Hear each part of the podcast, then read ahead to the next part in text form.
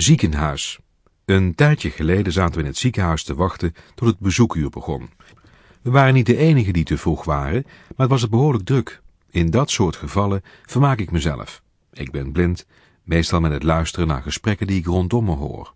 Naast me zat een moeder met een meisje van een jaar of zeven. Terwijl moeder in een tijdschrift zat te bladeren, vertelde het meisje enthousiast over het jeugdjournaal van de dag daarvoor. Daar ging het over twee kinderen die aan elkaar zaten en nu door de dokter van elkaar af waren gesneden. Nu zijn ze dus geen Chinese tweeling meer. Ik grinnikte toen ik deze verspreking hoorde en de moeder van het meisje keek op. Ze verbeterde het kind, maar het werd er niet beter op. Nee, schat, dat is geen Chinese tweeling, maar een Vietnamese tweeling.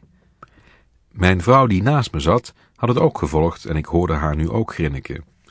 Ik fluisterde tegen haar met zoete of pittige saus.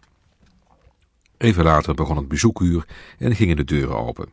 We baanden onze weg naar de liften en gingen op bezoek naar de patiënt waar we op bezoek wilden. De moeder en het meisje die naast ons hadden gezeten volgden ons druk pratend op de voet en bleken naar dezelfde kamer te moeten als wij. Het bleek dat de opa van het meisje met hartklachten in het ziekenhuis was opgenomen.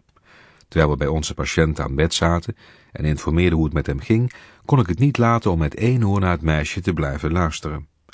Opa vertelde dat de dokter langs was geweest en dat hij de dag daarna geholpen zou worden. Hij probeerde het meisje uit te leggen dat zijn aderen wat smaller waren geworden en dat de dokter met een speciaal ballonnetje deze weer wat ruimer wilde maken. Dat weet ik, zei het meisje, mama heeft het me al verteld. Je wordt geflodderd.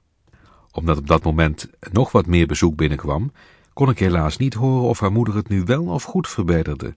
In gedachten hoorde ik haar echter zeggen, nee schat, dat is gemodderd.